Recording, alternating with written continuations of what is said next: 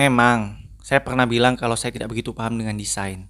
Tapi, kalau kalian perhatikan, desain thumbnail maupun cover podcast pendek-pendek di musim kedua ini jauh berbeda dibandingkan dengan musim pertama.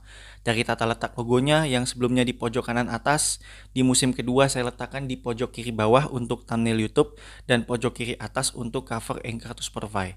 Dari jenis font pun juga berbeda. Di musim pertama saya pakai Palatino Linotype, di musim kedua saya pakai Roboto dan saya edit jadi sedikit bergelombang. Tapi yang sama adalah baik podcast pendek-pendek musim pertama maupun musim kedua, pasti ada gambar yang mewakili setiap episode podcast pendek-pendek. Kemudian di musim pertama warna setiap episodenya berbeda dan saya tentukan secara acak dan di musim kedua pun juga seperti itu.